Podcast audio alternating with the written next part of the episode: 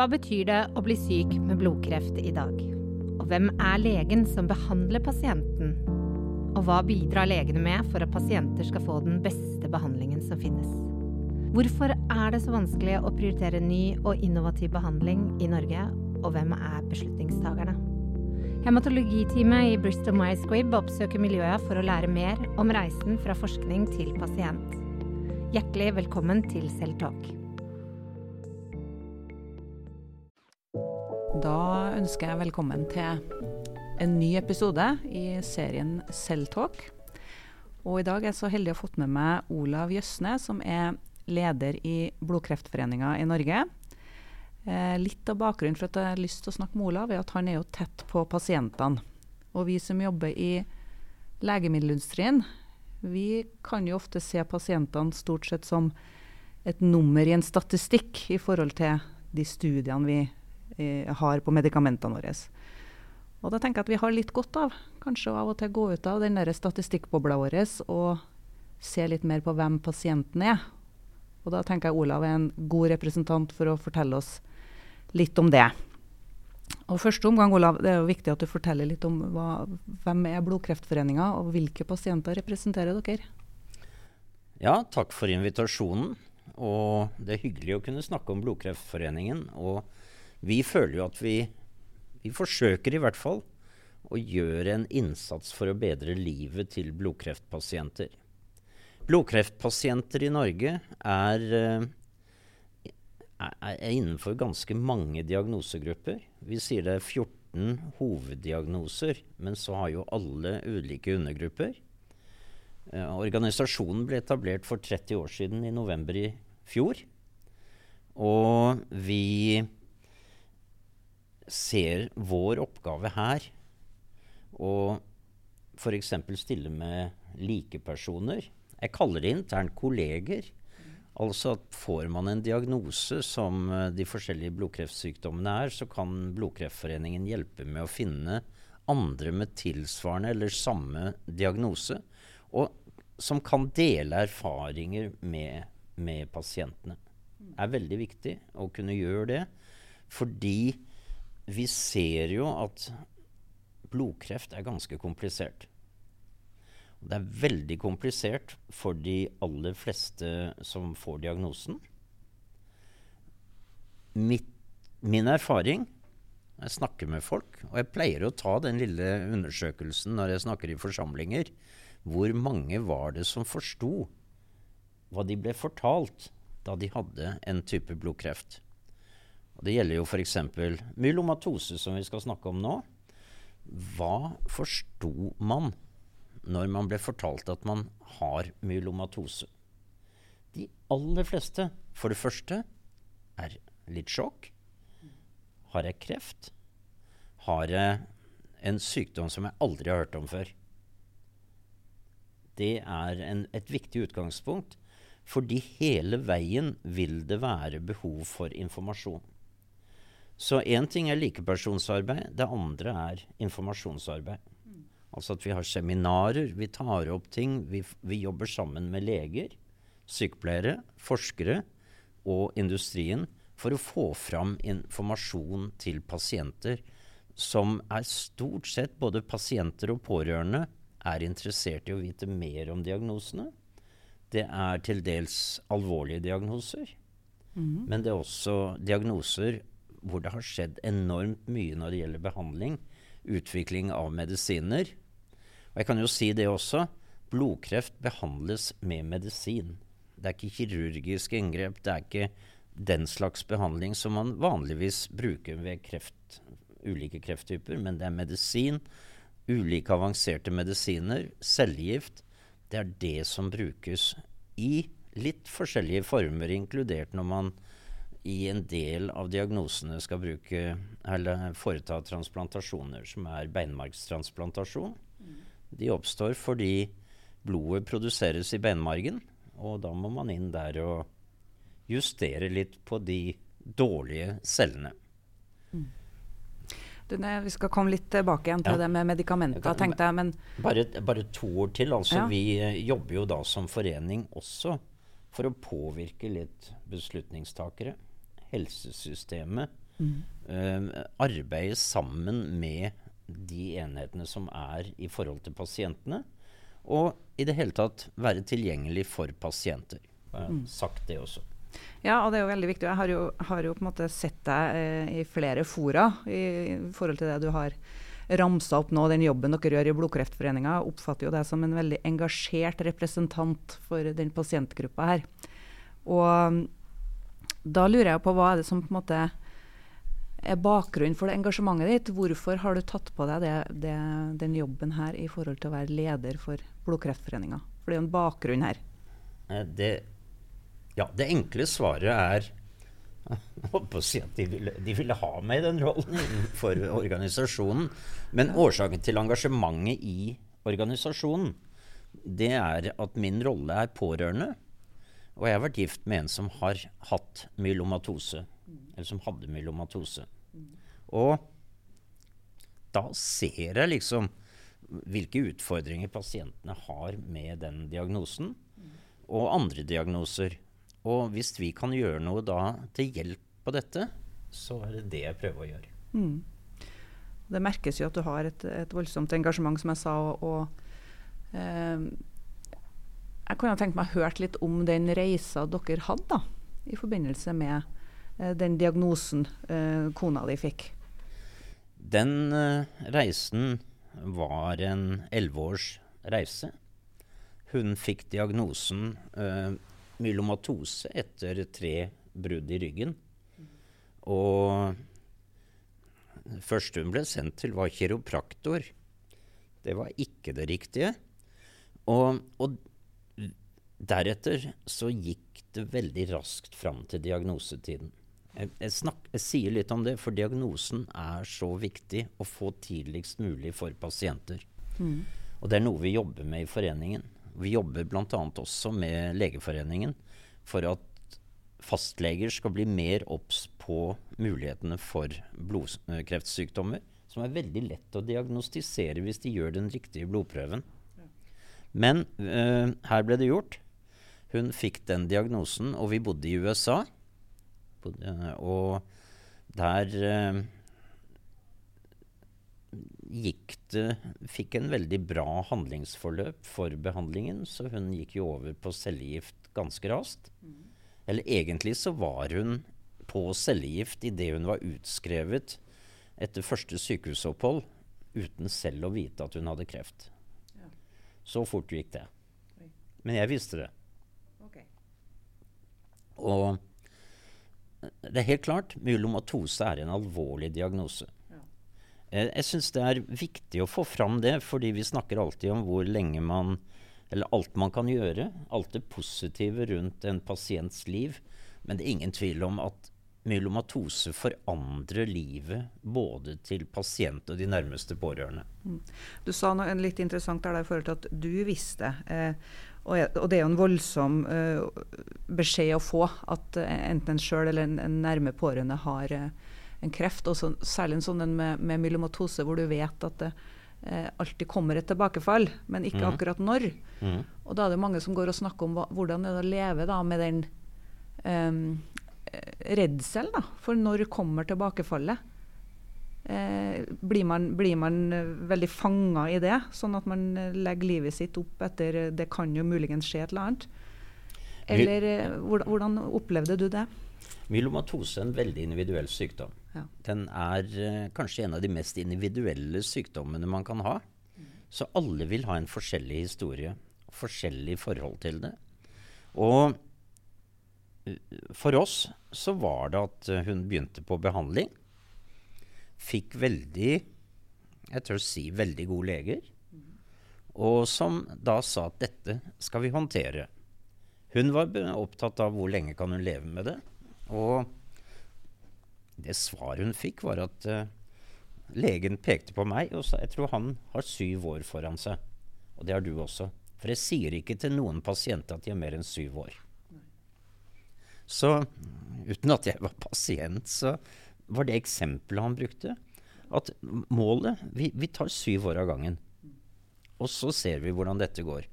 Det er ikke bare å gå på Google eller se at man da har en livsperiode så og så langt.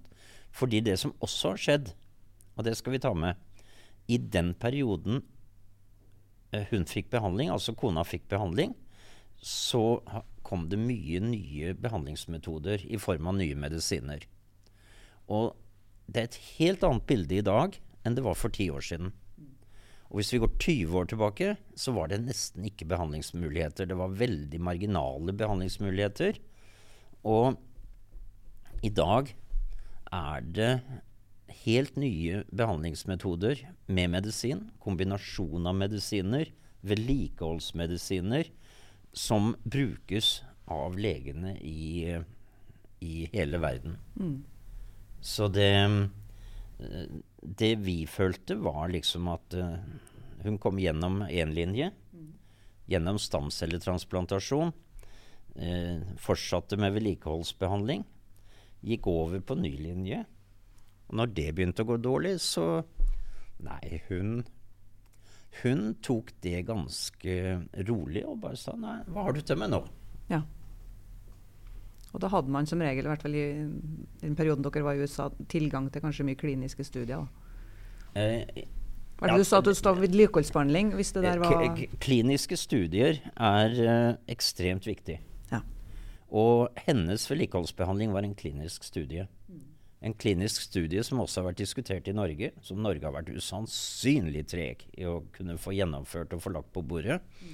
Men eh, det var jo absolutt i første stadie av forskning rundt akkurat dette med vedlikeholdsbehandling på myelomatose. Ja. Men totalt sett så fikk hun behandling i USA som også ble fulgt opp når vi var hjemme f.eks. på ferier i Norge. Og hun pleide ofte å ha litt lengre opphold i Norge mens eh, det var sommer og slike ting.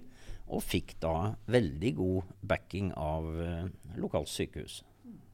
Ja, jeg tenkte vi skulle komme tilbake litt igjen til det med kliniske studier. Men først så har jeg godt kunne tenkt meg å høre litt mer om eh, forskjellene da, på eh, helsemodellen i USA kontra i Norge. For dere har jo opplevd begge deler. Hva er det på en måte som kan trekkes med som gode ting fra de ulike modellene, og hvilke utfordringer har de ulike måtene eh, et pasientforløp har? da?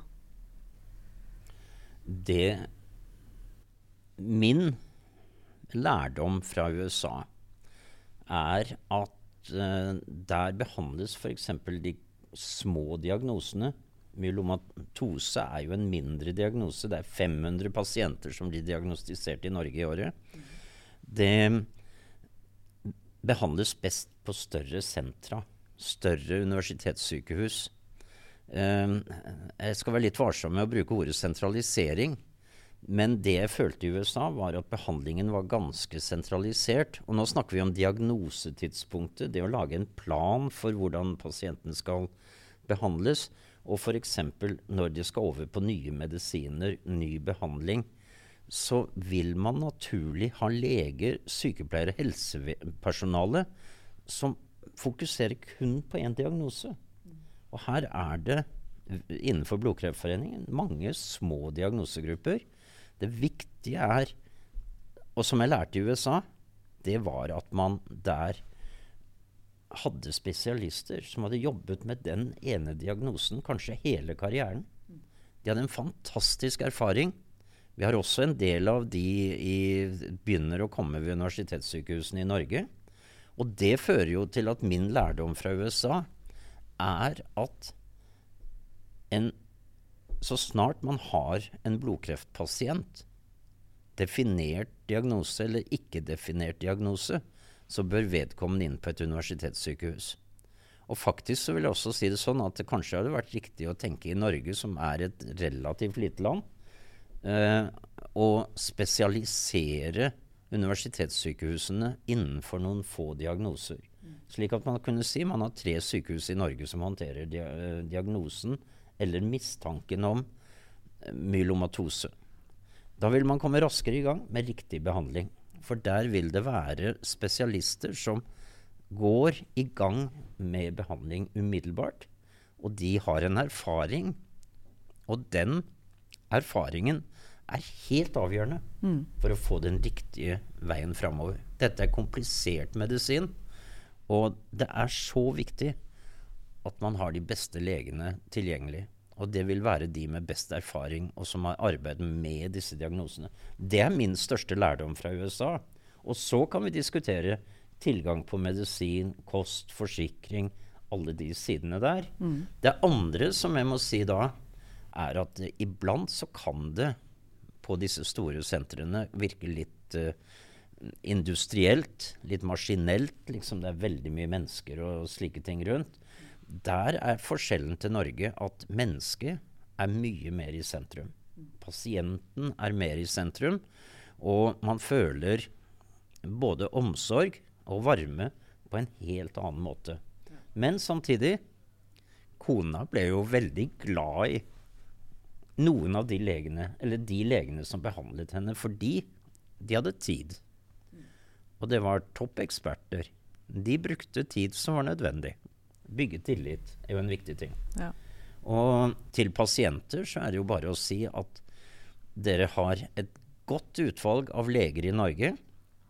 Så når jeg sier at vi må ha en sentralisert behandling, så er dette rundt tidspunktet når det skjer en diagnose. Når man lager en plan, en behandlingsplan, og når man skal følge opp med nye, f.eks. med nye medisiner eller nye behandlingsmuligheter. Den daglige behandlingen, månedlige behandlingen, regelmessig behandling, det kan skje på små sykehus, kanskje sykehjem, på legekontorene. Det er en ideell måte å få behandling på, etter mitt skjønn. Mm. Så, Så, du opplevde det litt norske, og det, ja. og det norske har jo vært litt uh, tregt når det gjelder å ta i bruk nye medisiner. Men der har samtidig legene stått på veldig mye. Og for de fleste innledende rundene så har man jo bra medisin. Spørsmålet er om en del medisiner som man har fått de siste årene, burde være mer aktivt i bruk allerede fra diagnosetidspunktet. Det er jo det det forskes på, og det er det en del leger har sagt er det beste. Ja. Vi kan jo gå litt tilbake til det. for jeg tenker i forhold til når du da har på en måte vært gjennom det løpet i Norge som, som med medikamenter som er godkjent for bruk, så, så kommer vi inn på det med, med klinisk forskning og, og, medisiner brukt der. Hva, hva, hva, tenker du rundt, hva betyr det da for myelomatosepasientene at det er tilgang til å være med og muligheter til å være med i kliniske studier? Det betyr så mye at jeg mener alle myelomatosepasienter bør tilbys muligheten for å kunne være med i klinisk forskning. Oslo Myeloma-senter ved Rikshospitalet gjør en fantastisk jobb. Og de jobber sammen med sykehusene, Universitetssykehuset i Bergen, i Trondheim, eh, Tromsø. De, de, gjør jo, og Stavanger også, de gjør en kjempejobb for å få inn nye behandlingsmetoder. Utprøve nye behandlingsmetoder. Og her kommer vi også særlig inn på å bruke medisiner kanskje på et tidligere tidspunkt i diagnosen. Så det er veldig viktig at pasienten kommer inn så tidlig som mulig og blir vurdert for klinisk forskning. Det er ikke noe man skal sitte og vente på til det plutselig ikke er noen andre alternativer. For det er visse krav til forskningsprogrammet som legene kjører her.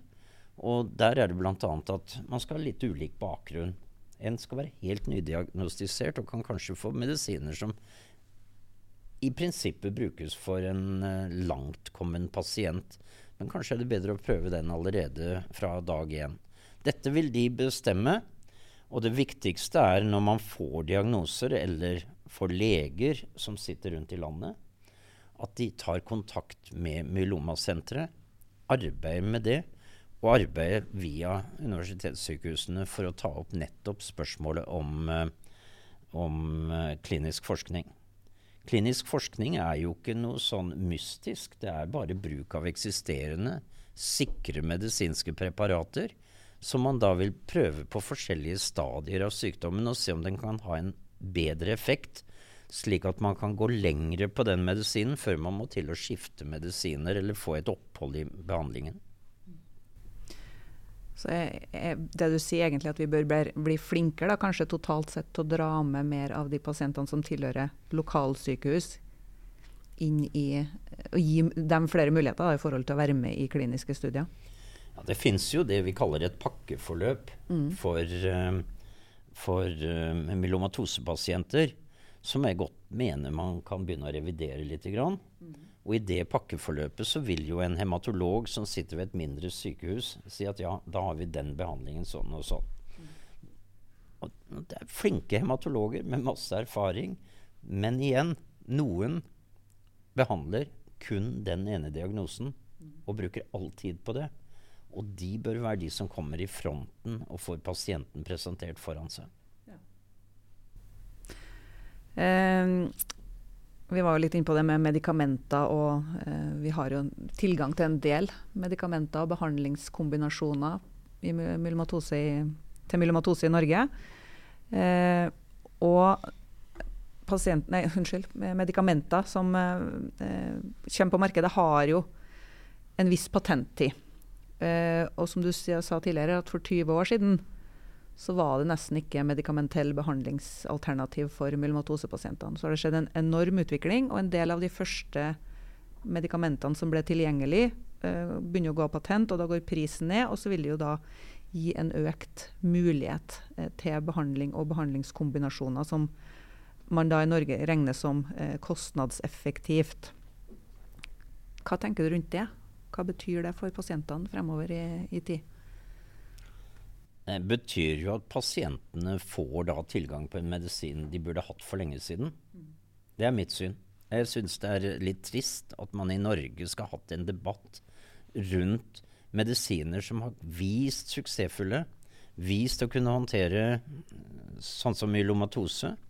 At man her har sittet og ventet på at dette skal gå ned i pris i form av patentutløp. Det er en reaktiv, passiv måte å drive medisinsk behandling på. Det er så eh, reaktivt at det går utover menneskeliv. Ja. Og det er trist. At man eh, bruker en del tid på godkjenning av medisiner, at det er uenighet rundt godkjenning av medisiner, det forstår jeg. Eh, verst av alt er jo at vi får høre at en medisin er for dyr, men vi får jo aldri vite hva, hva slags priser som blir vurdert. Og det er jo Stortinget vedtatt at pris på medisin skal være hemmelig. Noe jeg mener er en ignorering av pasientinteressen. Jeg syns man skal iallfall vite hva er det vi snakker om. Koster en pasient 100 kroner, eller koster den en million? Det er jo ting som er relevant for den diskusjonen. Men eh, Norge har vært veldig langsom på godkjenning av nye kombinasjoner av medisin. De fleste vil si at vi har veldig mye medisin tilgjengelig. Og det gjelder tilfeller for myelomatose. Jeg vil si til pasienter at de får tilgang på ny og bra medisin. Og én ting som er erfaringen eh, Du spurte om dette med USA. Ja. Eh, når en medisin blir lansert i USA, så blir den absolutt registrert og tatt opp av norske leger. De er fullt klar over det. Og det fins metoder som de under særlig klinisk forskning kan begynne å bruke slik medisin når det er godkjent av amerikanske myndigheter.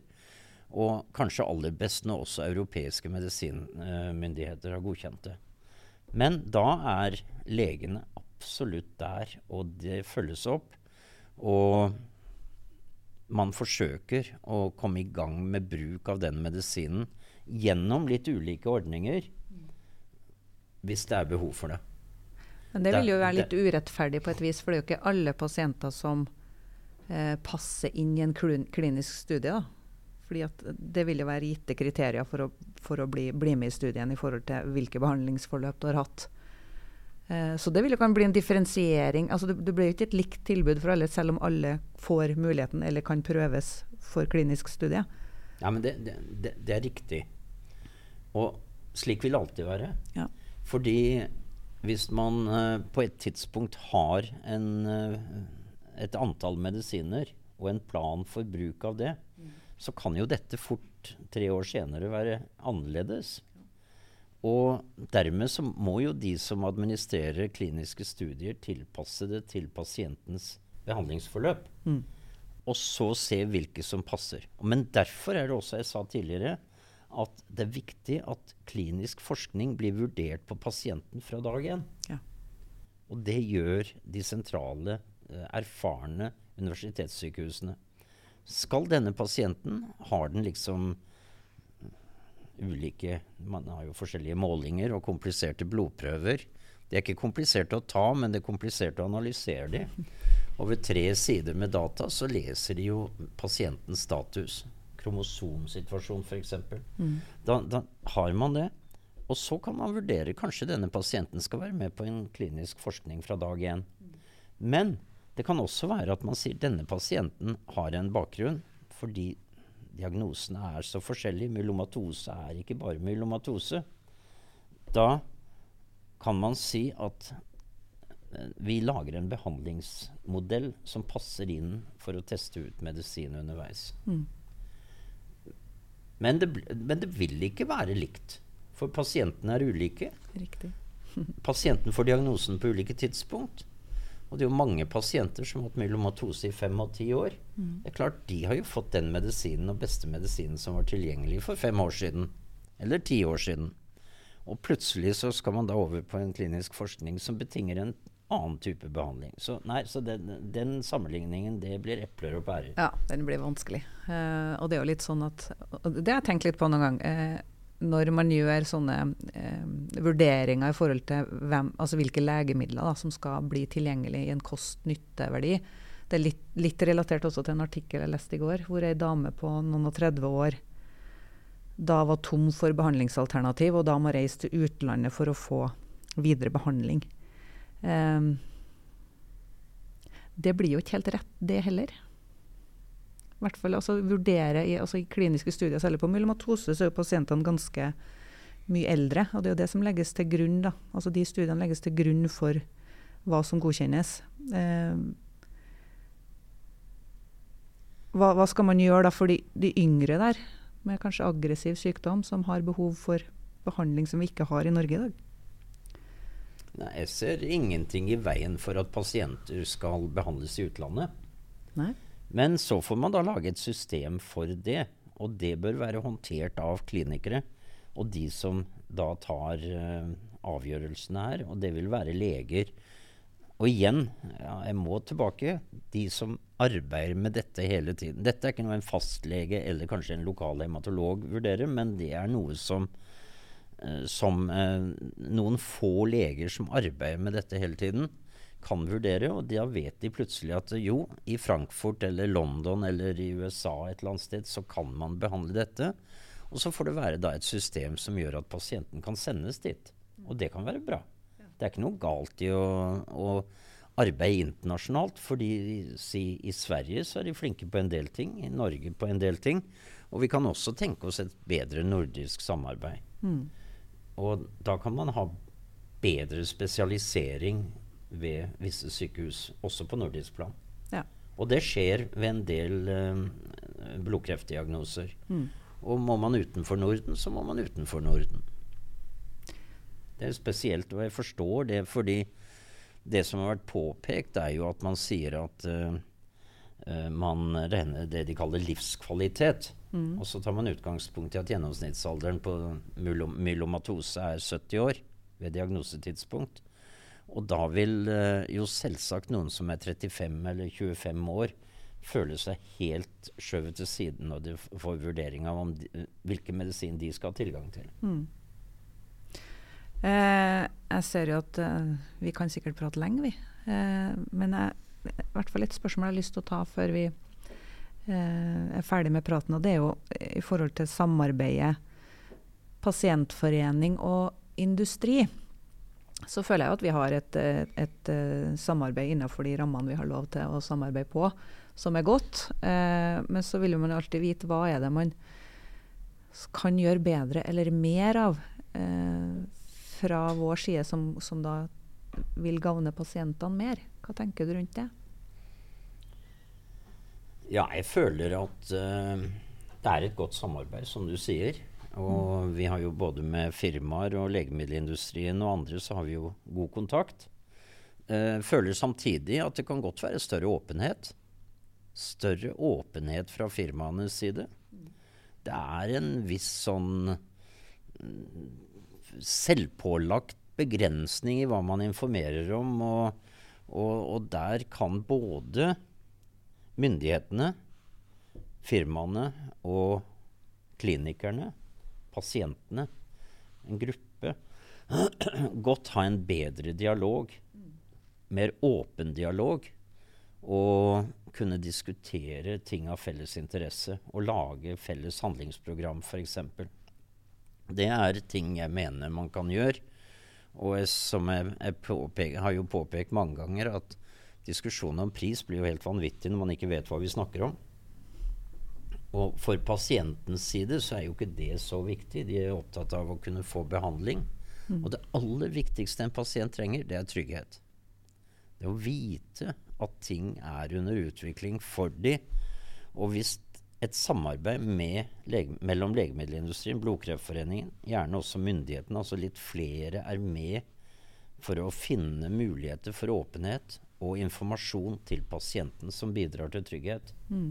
Det er det aller viktigste. Ja, oppi det der også tenker jeg at det kanskje vi skal snakke litt om før, men det med eh, brukermedvirkning i en del av de prosessene, da, politisk og osv. Hvor står vi der? Brukermedvirkning er jo blitt et veldig fancy uttrykk. Ja. Det skal man ha Hva betyr det? og uh, der eh, har vi god kontakt med både forskningsmiljø mm. og egentlig helsemiljø, men kanskje spesielt forskningsmiljø. Ja. Og uh, forskjellige lokale helseenhetene. Vi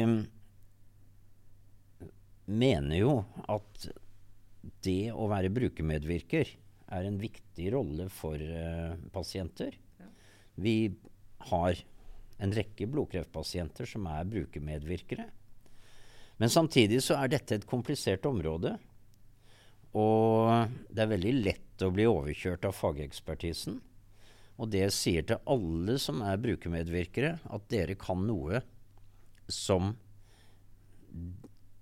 forskere og leger og andre ikke kan. Dere kan fortelle om erfaringer som pasient. Og min erfaring med leger er at de har behov for å høre det igjen og igjen. Mm. Som pasient, legeforhold, men også i en brukermedvirkningssammenheng hvor man da møter en del uh, forskere som jo lever i en litt uh, egen sky av avansert sky. Men det er bare å ta på seg rollen som pasient og berette hva er det egentlig en pasient er på jakt etter. Og det pasienten er på jakt etter, det er behandlingsmuligheter, trygghet, livslengde. Det er slike ting som er viktige spørsmål, pluss å kunne ha et normalt liv som mulig med de nærmeste som er rundt dem. Det er faktisk det pasienten vil ha. Mm. Det syns jeg var fine ord å avslutte med. Eh, tusen takk for praten.